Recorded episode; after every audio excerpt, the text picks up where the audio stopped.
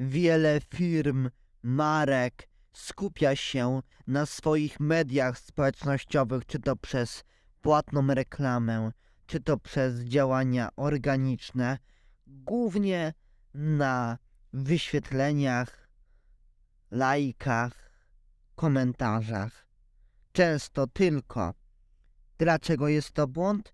Zaraz opowiem w tym odcinku podcastu Tworzenie Kreatywne, w którym co tydzień omawiam rzeczy związane z grafiką, biznesem, wideomarketingiem, ogólnopojętym marketingiem i sprzedażą oraz kreatywnością, więc nie przedłużając, cześć, z tej strony Michał i zapraszam Cię do wysłuchania tego kolejnego odcinka podcastu.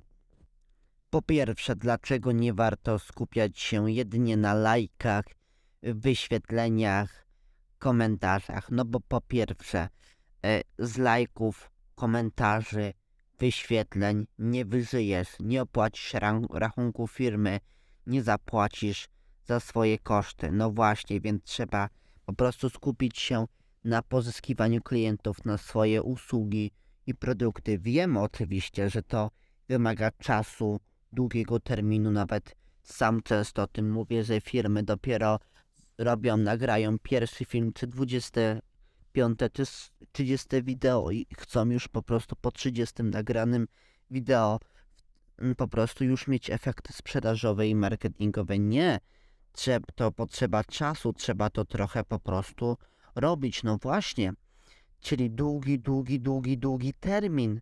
Długi, długi, długi termin trzeba się nastawić.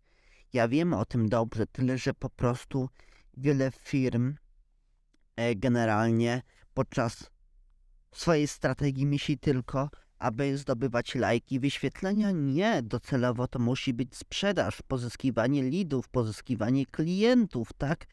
O to chodzi, a nie tylko lajki, komentarze i tak dalej. Z samych lajków człowiek nie wżyje, oczywiście. Zaangażowanie takie no jest ważne, no ale nie najważniejsze. Najważniejsza jest sprzedaż naszych produktów i usług i trzeba sobie to uświadomić, więc bardzo często są filmy na przykład publikowane na YouTubie, które mają po setki tysięcy wyświetleń, a i na przykład one no dość słabo sprzedają na przykład. A na przykład są firmy takie, takiego danego twórcy, który na przykład e, właśnie nagrał film, który ma setek tysięcy wyświetleń, sprzedał na przykład tylko, dajmy na to, kilkaset swoich tam no, kursów, dajmy na to, bo to na przykład będzie jakiś tam ekspert finansowy, dajmy jakiś zagraniczny i później po prostu y, opublikował film, który ma tylko tysiąc wyświetleń na przykład. Ale jego tam sprzedaż jest bardzo wysoka, na przykład, że konwersja wynosi 40%. Czyli 40% osób oglądających ten film kupiło jego produkt, jego usługę i tak dalej.